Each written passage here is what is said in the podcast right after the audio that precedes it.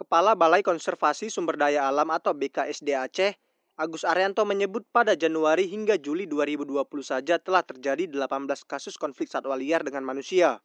Angka tersebut naik dari 16 kasus selama 2019.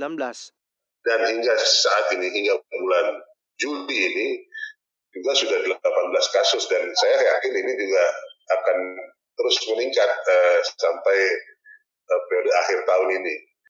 Sebelumnya, selama 2018 ada 8 kasus dan 10 kasus konflik satwa liar dengan manusia pada 2017. Wilayah Aceh Selatan, Subulus Salam, dan Aceh Tamiang menjadi daerah penyumbang terbanyak kasus konflik satwa liar dengan manusia. Agus memaparkan bahwa banyak faktor yang menyebabkan terjadinya konflik satwa liar dengan manusia. Maraknya perambahan area kawasan hutan, hingga perubahan fungsi menjadi lahan perkebunan berdampak terhadap konflik satwa liar dengan manusia di Aceh.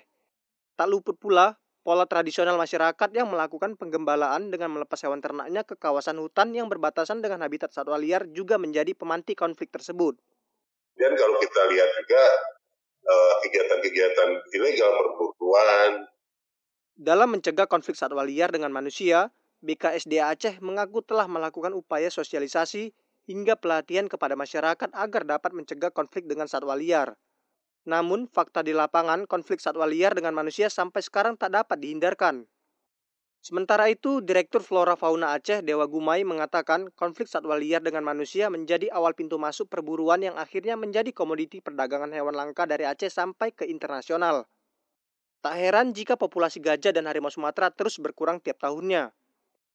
Konflik ini kemudian diendus atau dideteksi oleh para middleman ya atau penampung yang mempunyai jaringan di beberapa lokasi uh, jaringannya. Uh, mereka juga memanfaatkan masyarakat lokal yang berada di lokasi-lokasi konflik ya. Ini datanya valid. Jadi beberapa kasus kita temukan polanya sama. Kata Dewa Gumai, modus operandi yang digunakan dalam perdagangan satwa langka yang dilakukan oleh sejumlah oknum dengan cara memanfaatkan masyarakat setempat sebagai pemburu. Kemudian satwa-satwa langka itu diburu dengan perangkap, racun, hingga ditembak.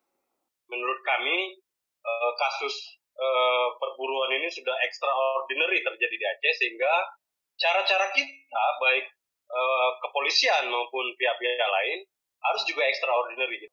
Namun yang menjadi sorotan Dewa Gumai, banyak kasus-kasus kematian hingga perdagangan satwa langka tak mampu diungkap kepolisian. Anugerah Andriansyah melaporkan untuk VOA Washington.